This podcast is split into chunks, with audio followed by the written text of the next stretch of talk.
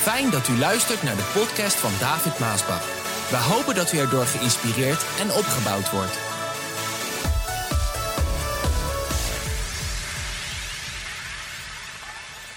De spoedige wederkomst van Christus, deel 2. En ik begin gelijk met een vraag. Welke gebeurtenissen vinden er plaats wanneer Jezus zal wederkomen? Wanneer Jezus zal terugkomen, wat gebeurt er dan? Antwoord: twee dingen. Nummer één, de openbaring van de macht van de antichrist, ofwel het beest, wordt ook wel het beest genoemd, de antichrist. En nummer twee, de opname van de gemeente van Jezus Christus.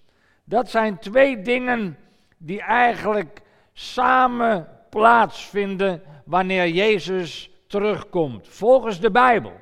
Want Paulus die beschrijft het zo in 1 Thessalonicense 4, vers 13. Luister wat hij hierover zegt. Over wat er gebeurt met christenen die sterven, willen we u niet in het onzekere laten. U hoeft over hen geen verdriet te hebben. Hoor je dat? Hoor je dat wat, wat Paulus zegt? Je hoeft over degenen die sterven geen verdriet te hebben, zoals de mensen die zonder hoop leven. Want zoals wij geloven dat Jezus na zijn dood weer levend is geworden, geloven wij ook dat God de gestorven christenen met Christus zal laten terugkomen. Wat wij hier zeggen is het woord van de Heer. Wij die bij de terugkeer van de Heer nog leven, zullen Hem niet eerder tegemoet gaan dan de gestorvenen. Want als het signaal klinkt, de bazuin klinkt, als een van de voornaamste engelen zijn stem laat horen en de trompet van God schalt, zal de Heere zelf uit de hemel neerdalen. En dan zullen de gestorven christenen eerst opstaan en daarna zullen wij, die op dat moment nog leven, met hem in de wolken worden opgenomen, om de Heere in de lucht te ontmoeten en altijd bij hem te zijn. Nou, het grote verschil tussen het christendom en, luister, alle andere godsdiensten.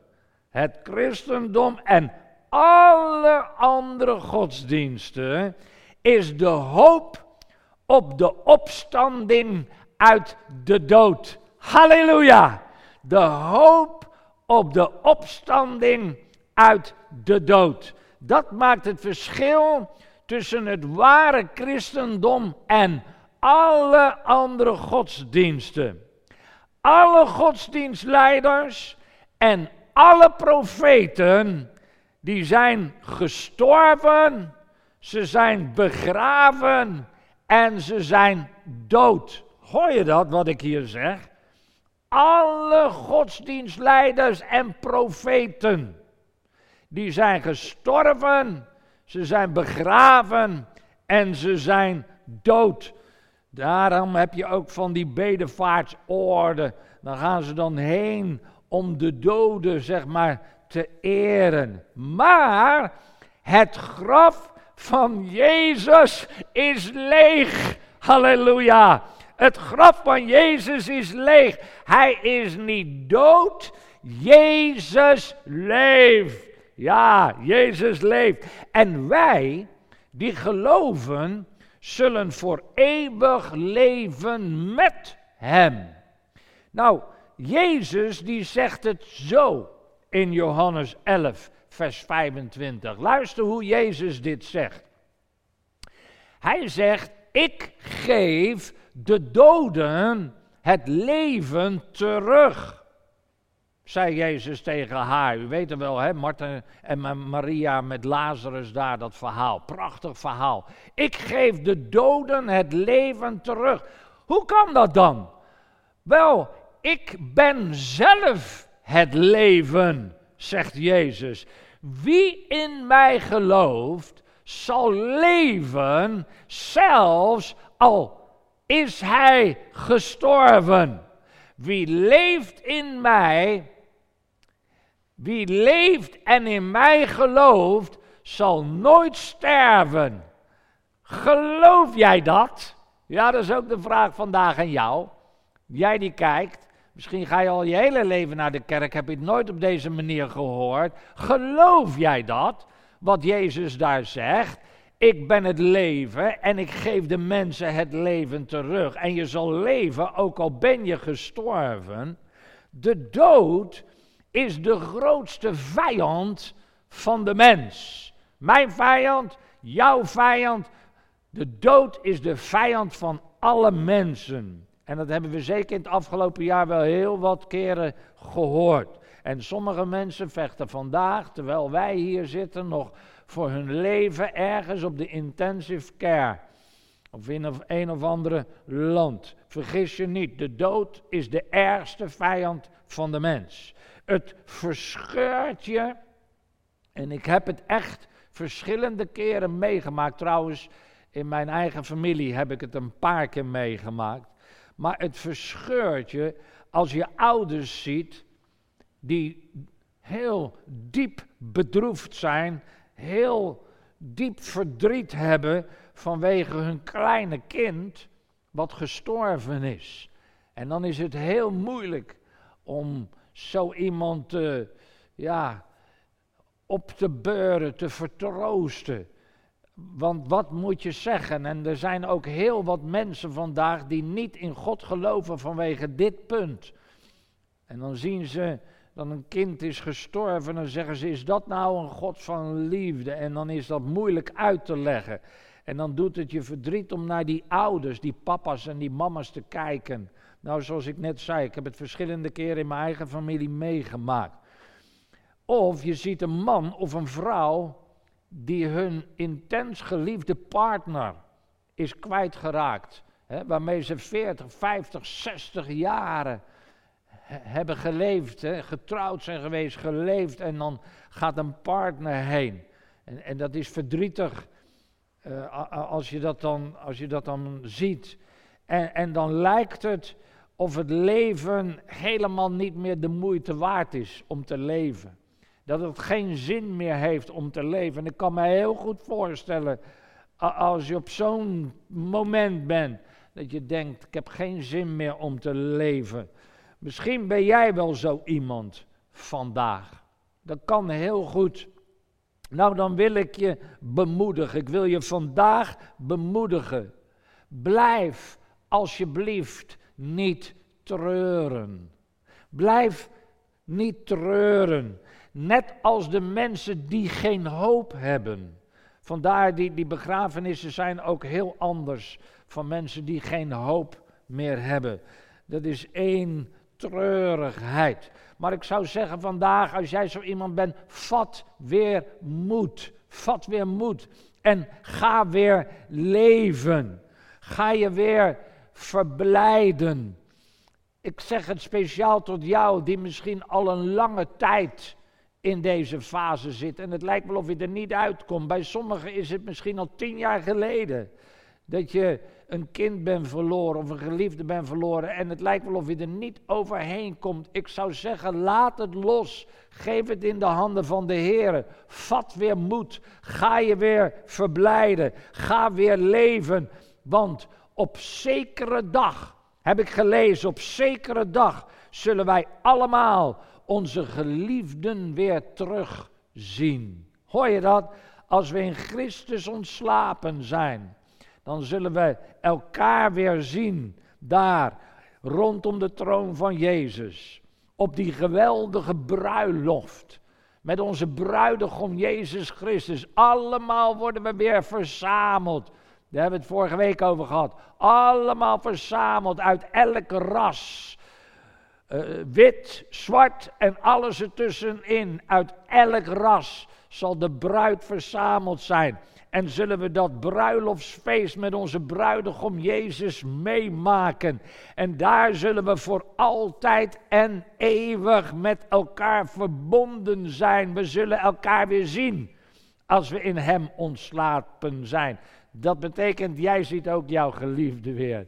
Jouw kindje, jouw babytje, die je misschien hebt moeten loslaten onder tranen, onder verdriet in de handen van de Heer gelegd. Je kent misschien nog zijn naam of haar naam. Nou, die naam hoef je nooit te vergeten, want jouw kind groeit op daar in de hemel, waar we straks allemaal verzameld zullen zijn op dat bruiloftsmaaltijd van Jezus Christus. Nou, even terug naar de opname.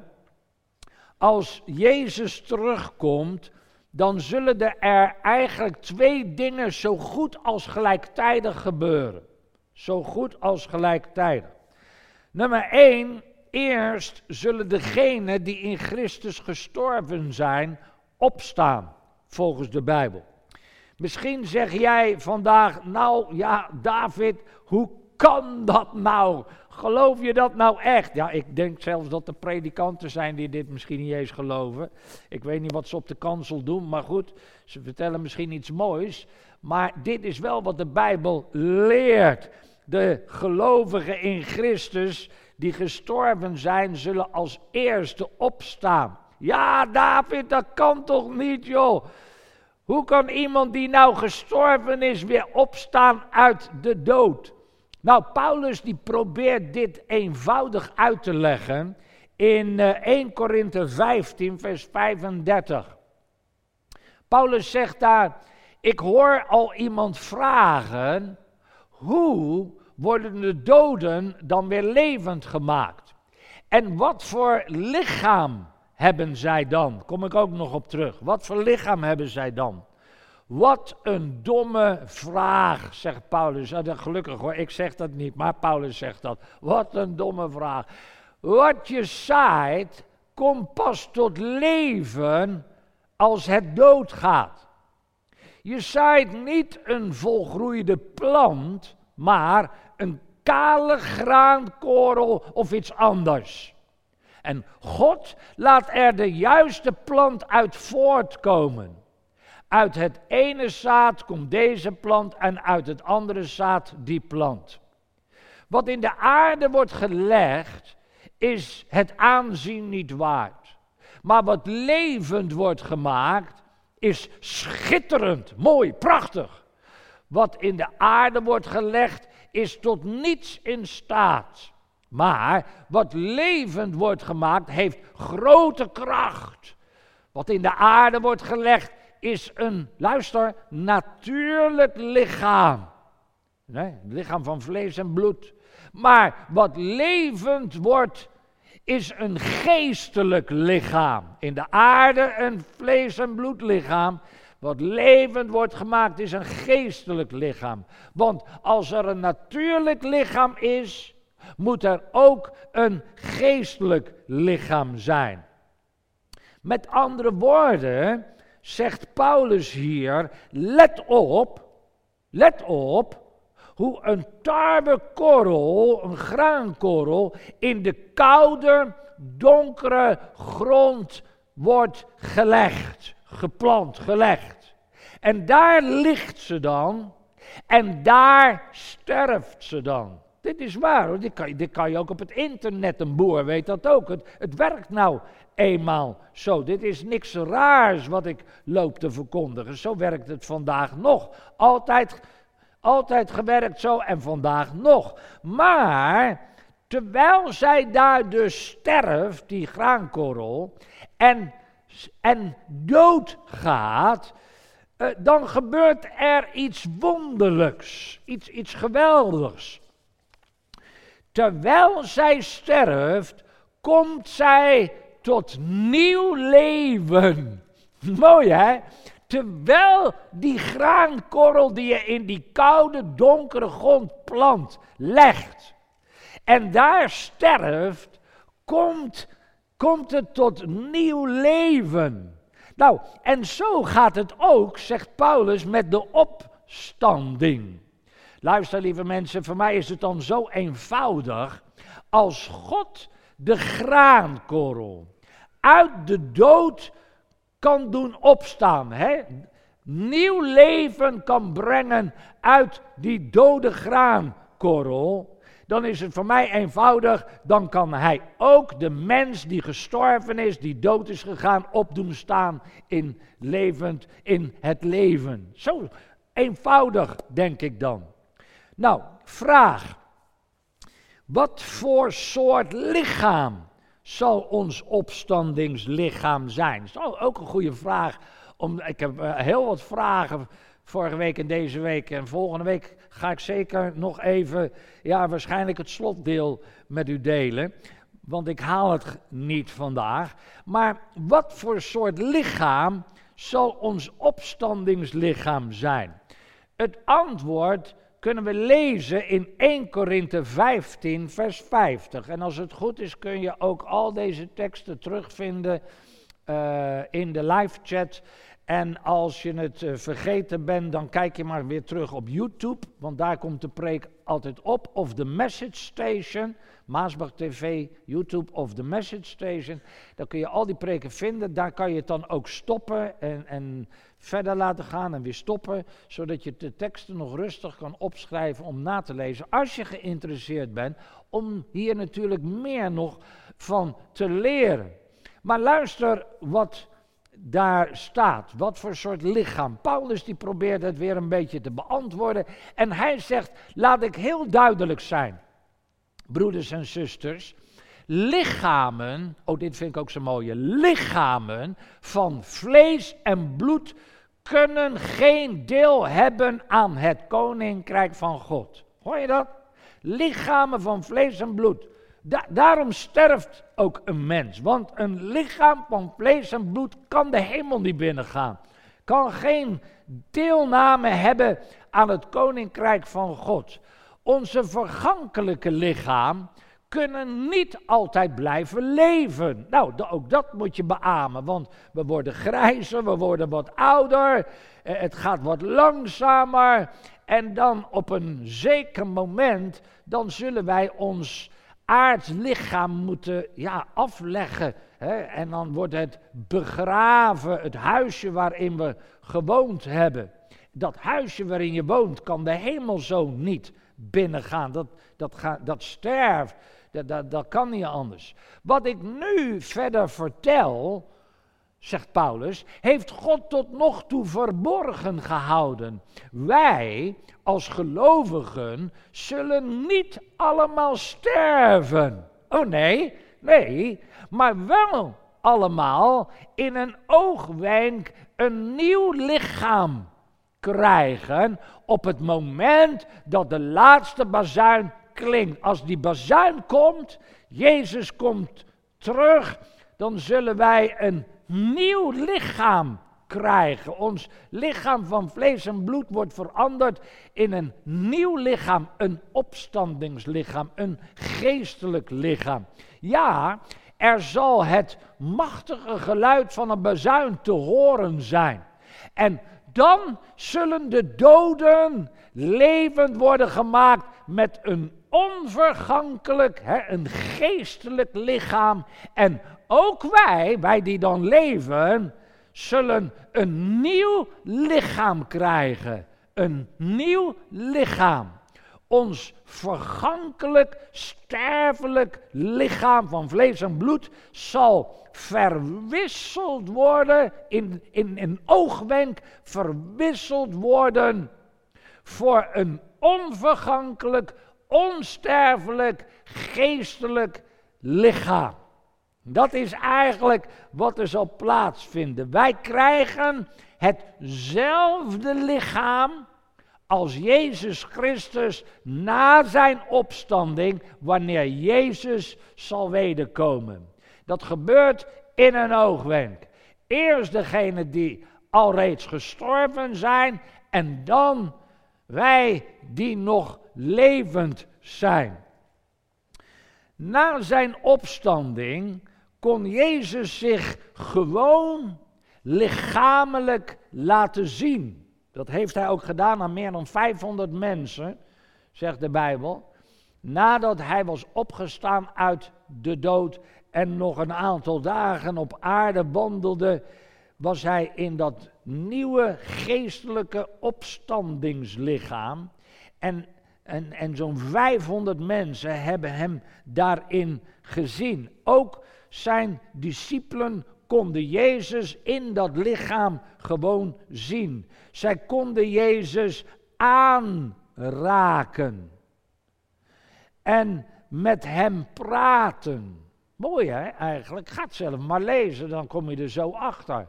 Na zijn opstanding, in dat geestelijk veranderlijke lichaam wat hij ontvangen, konden ze hem aanraken. Ze konden met hem praten. Precies zoals voor de opstanding. Toen hij in vlees en bloed op aarde wandelde. Toen konden ze hem ook aanraken. Toen konden ze ook met hem praten.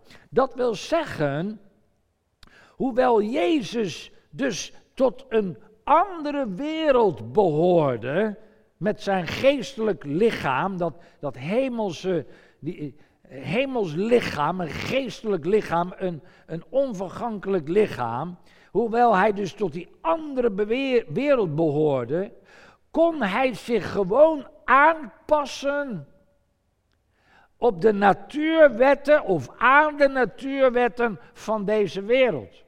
Zoals wij ook vandaag leven. Hij kon met zijn discipelen praten en wandelen en zelfs eten, zegt de Bijbel. Hij heeft daar ook vis gegeten, daar op het strand. In dezelfde tijd kon hij zich verplaatsen in een oogwenk. Dat kunnen wij dus straks ook. Verplaatsen in een oogwenk. Zodat hij plotseling in hun midden stond.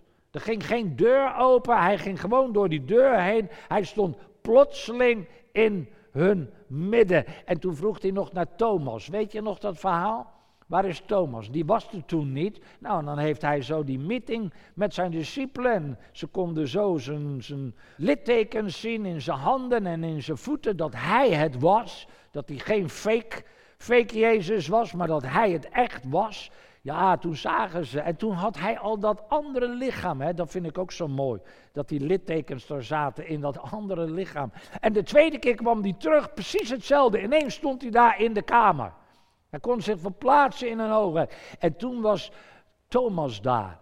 En dan zegt hij tegen Thomas: Thomas, doe je handen in de littekens, doe je handen in mijn zij, hè, waar hij doorboord was, om te voelen dat hij het was. En, en hij was het, ja, lieve mensen. Maar, nee, luister, het allerbelangrijkste van dit lichaam na zijn opstanding, en dat geldt ook voor jou en mij wanneer wij dat lichaam krijgen, hij kon nooit meer sterven.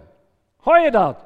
Hij kon nooit meer sterven. En als wij veranderd zijn, dan zullen wij ook nooit meer sterven tot in eeuwigheid. Vandaar dat hij zegt, je zal altijd voor eeuwig met mij zijn. Jij zal leven, ik zal leven, we zullen samen met hem leven tot in eeuwigheid. Wat ons veranderde lichaam kan nooit meer sterven. Het is een onvergankelijk, dat is een oud woord, lichaam. Ja, zo zal het ook met ons zijn, lieve mensen. Wij krijgen bij die opname een ander lichaam. Net als Jezus. 1 Korinthe 15, vers 54. Luister wat daar staat. Wanneer dat gebeurt, wordt werkelijkheid wat in de boeken staat, in de boekrollen staat. De dood is opgeslokt in Gods overwinning. En dood, je kunt de overwinning wel vergeten. Dood, wat voor kwaad zul je nu nog doen? dat kan je zeggen vanuit dat nieuwe lichaam. Vanuit dat lichaam wat nooit meer zal sterven, waar de dood geen vat op heeft, waar ziekte geen vat op heeft, waar zonde geen vat op heeft. Oh, halleluja. Wij krijgen zo'n lichaam. De dood kan ons nu nog kwaad doen. Ja, nu nog. Nu dat wij leven in, in vlees en bloed door de zonde. En de zonde is zo sterk omdat de wet bestaat. Paulus zegt het zo mooi uit. Oh, hij legt het zo mooi uit. Maar God zij dank, hij geeft ons door onze Heer Jezus Christus de overwinning over de zonde en de dood. Prijs de Heer. Nou, de tweede gebeurtenis die plaats zal vinden als Jezus wederkomt, dat zal de ten hemel opstijging zijn van Gods kinderen die, leven. Dus de doden, die staan op, die gaan de Heer tegemoet. En in een oogwenk krijgen ze een, een geestelijk uh, onveranderlijk lichaam.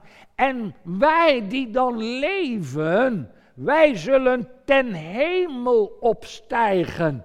Net als Jezus hem tegemoet. Matthäus 24 zegt het zo. Wanneer dat allemaal zal gebeuren, zegt Jezus, en op welke dag en welk uur, ja, dat weet niemand. Ook de engelen in de hemel weten het niet. Alleen de Vader weet het. Als ik, Jezus, terugkom, zal het net zo zijn als in de tijd van Noach. In die tijd, voor de grote vloed, ging alles gewoon door. Men at, dronk en trouwde tot het moment dat Noach de ark inging. En de mensen merkten niets, helemaal niks, tot de grote vloed kwam en hen allemaal wegnam. Als ik, zegt Jezus, terug zal komen, zal het net zo gaan. Precies op dezelfde manier. Dan zullen twee mannen samen op het veld werken. De ene zal worden meegenomen, opgenomen, meegenomen, weggerukt uit de aarde. De andere zal achterblijven. Twee vrouwen zullen bezig zijn met koren te malen. Hè? Of weet ik veel wat ze aan het doen zijn. Eh, misschien wel het land leiden of een piloot. Wie zal het zeggen wat ze doen? Brandweer, politie, maakt niet uit. De een zal worden meegenomen en de ander zal achterblijven. Jezus zegt, wees dus altijd klaar. Want je weet niet wanneer ik, jullie Heer, terugkom. Door op, op wacht te staan, kan je iemand voorkomen, kan iemand voorkomen dat dieven in zijn huis inbreken. En zo kunnen ook jullie moeilijkheden vermijden door altijd klaar te zijn voor mijn onverwachte terugkeer. Ja, dat kunnen wij. Nou, helaas lezen we dus ook hier, dat hoort ook bij de boodschap, de Hosanna-boodschap van we gaan de hemel in en we zullen altijd met hem zijn enzovoort. Ja, helaas zullen niet alle mensen die zeggen een christen te zijn, gereed zijn om Jezus te ontmoeten wanneer hij zal terugkomen. Nee, het zal zelfs nog zo zijn dat er een heel wat mensen zijn die hem die zullen zeggen, maar heren, heren, ik heb dit en zus en zo in uw naam gedaan. De Heer zegt, ik ken je niet. Om iedereen vandaag op het hart te drukken, om je gereed te maken. Nee, beter gezegd, om gereed te zijn voor de wederkomst van Jezus Christus, zal ik herhalen de woorden van Jezus uit Matthäus 25. Ik wil zo graag dat jij, wie jij ook bent, ja luister, al kom jij je hele leven in de kerk. Ook dan is het belangrijk, want ik denk dat er heel wat zullen zijn die in de kerk zitten en toch achterblijven. En dit is wat de Bijbel leert. Ja, maar David, dat kan toch niet, want God is toch liefde, die maakt alles. Dat trouwens, dat is ook nog zo'n leer. Ze noemen dat uh, de alverzoeningsleer. Dat betekent dat uiteindelijk zal God het niet zo. Hè, ze zeggen eigenlijk: de soep zal niet zo heet gegeten worden als die wordt opgediend. Uiteindelijk maakt God toch alles in orde. Iedereen gaat de hemel in. Maar dat is niet waar, lieve mensen. En u weet dat ik altijd de waarheid predik, of het nou moeilijk is of niet. Het is de waarheid dat niet iedereen zal de hemel binnengaan. En ik wil dat jij gereed bent. Dat je nooit kan zeggen: ja, maar dat wist ik niet, heren. Nee, want door deze boodschap weet je het wel. En kun je het ook aan anderen vertellen. Luister maar naar de woorden van Jezus uit uh, Matthäus 25. Het koninkrijk van de hemelen kan vergeleken worden met tien bruidsmeisjes. Die de bruidegom, hij is de bruidegom, hè, tegemoet gingen. Wij zijn de bruid, hè. Zij namen hun olielampen mee. Vijf van hen waren dom en de andere vijf waren verstandig. De vijf domme bruidsmeisjes namen wel hun lampen mee. Oh ja, ze gingen naar de kerk, ze deden met alles mee, maar ze hadden geen extra olie. Maar de vijf verstandigen, die namen wel extra olie mee. En toen de bruidegom maar niet kwam opdagen, maakten de meisjes het zich gemakkelijk en vielen ze allemaal in slaap. Allemaal, de vijf wijzen en, en de vijf domme, ze vielen allemaal in slaap. Midden in de nacht schrokken ze wakker, doordat er geroepen werd: Daar komt de bruidegom, ga hem tegemoet. Alle meisjes stonden op en maakten hun olielampen in orde. De domme meisjes vroegen de anderen om wat olie, omdat hun lampen uitgingen. Maar de verstandige meisjes antwoordden: Nee, nee, nee, nee, wij hebben niet genoeg voor ons allemaal. Nee, jullie kunnen beter naar de winkel gaan als de hazenwind en zelf olie kopen. En terwijl de domme meisjes vlug naar de winkel gingen, kwam de bruidegom. Dit vertelt Jezus, hè? Dit, dit zijn de woorden van Jezus. Hij sprak over zichzelf, over zijn wederkomst en over de bruid, de mensen. En hij nam de bruidsmeisjes die klaar waren mee naar de bruiloft en deed de deur dicht. En later kwamen de domme meisjes ook. Maar ze konden er niet meer in. Heer, riepen ze, Heer, laat ons er alsjeblieft ook in. De bruidegom riep terug, ga weg, ik ken jullie niet. Jezus zegt, wees daarom waakzaam, mensen, want je weet niet op welk moment ik terugkom. Wees waakzaam. Dit verhaal geeft ons een duidelijk beeld dat niet iedereen gereed is als Jezus terugkomt. En als je niet gereed bent, dan zal je er niet bij zijn wanneer dat in een oogwenk zal gebeuren als Jezus terugkomt in de lucht. Ja, je hebt, als je meer over dit eh, onderwerp, als je geïnteresseerd bent, lees dan mijn boek Wereldschokkende gebeurtenissen. Wereldschokkende gebeurtenissen. Daar spreek ik over de eerste komst van Jezus. Over, ja, zeg maar zijn halve wederkomst. Dan komt hij niet op aarde, maar in de lucht. Dat is waar ik nu over spreek. En over zijn tweede komst, als hij op aarde komt regeren. Ik spreek erover in wereldschokkende gebeurtenissen. Het zal je ogen openen. Onderzoek deze dingen. De waarschuwing van Jezus voor ons, voor jou, voor mij, voor de gemeente, voor de kerk, voor alle mensen is: zorg dat je gereed bent voor als ik plotseling terugkom. Dat zijn de woorden van Jezus tot jou, wie jij ook bent. Wie jij ook bent, wat je ook gedaan hebt, waar je ook vandaan komt, de woorden van Jezus zijn: zorg dat je gereed bent als ik plotseling zal terugkomen. Vraag, ben jij op dit moment gereed om alles op aarde achter te laten en met, met Jezus mee te gaan als Hij zo plotseling zal wederkomen? Ben jij daar klaar voor? Je hebt de boodschap gehoord. Misschien, ja, dringen dingen tot je door. Of je kijkt, je bent op de zonneschool vroeger in je leven geweest en, en, en het komt gewoon weer terug. Je voelt ook, ja, ja, ik ben eigenlijk niet gereed. Ik weet, ik weet er alles van. Zie je, christen hoef ik eigenlijk niks te vertellen.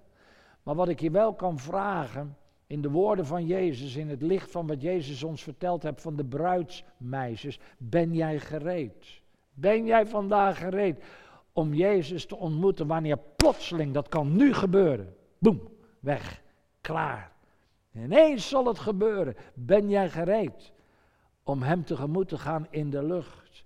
En om altijd bij Hem te zijn, om dat bruiloftsmaal te vieren. Om je geliefde weer terug te zien die jou voor zijn gegaan.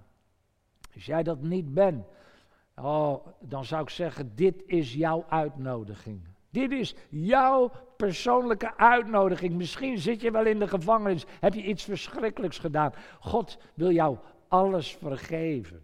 Dat betekent niet dat het allemaal voorbij is, dat je morgen de gevangenis kan uitlopen. Nee, je zal ook de consequenties moeten dragen van wat jij gedaan hebt. Maar je kan wel vergeven worden en je kan gered worden en je kan Jezus tegemoet gaan wanneer Hij terugkomt. Als jij zegt, ja David, ik wil zo graag gereed zijn. Ik wil zo graag erbij zijn. Ik wil zo graag al mijn geliefden weer terugzien die in Christus ontslapen zijn. Dan ga ik samen met jou bidden. Ik ga jou daarbij helpen. En om dit te doen vraag ik je heel eenvoudig, waar je ook bent, zeg mij maar na. Je mag het zachtjes doen, je mag het hardop doen, je mag met hand op je hart doen, hoe je wil. Je mag zelfs naast je bed neerknielen, maar bid het wel oprecht, met een oprecht hart. En zeg maar, Vader in de hemel, ik dank u voor uw liefde, ik dank u voor uw genade. Ik vraag u om vergeving van al mijn zonden en al mijn fouten. Ik heb spijt van mijn zonden. Ik heb berouw van mijn zonden. Vergeef mij, Heer. Reinig mijn hart. Reinig mijn denken. Reinig mijn hele wezen. En geef mij een nieuw hart. Ik dank u dat u mij zo lief heeft, Heer Jezus, dat u voor mij gestorven bent aan het kruis op Golgotha. Dank u, Heer Jezus. Vader, ik neem uw vergeving nu aan. Ik dank u dat u mij vergeven hebt. Vandaag is een nieuwe dag. Vandaag is een nieuw begin. In Jezus' naam. Amen.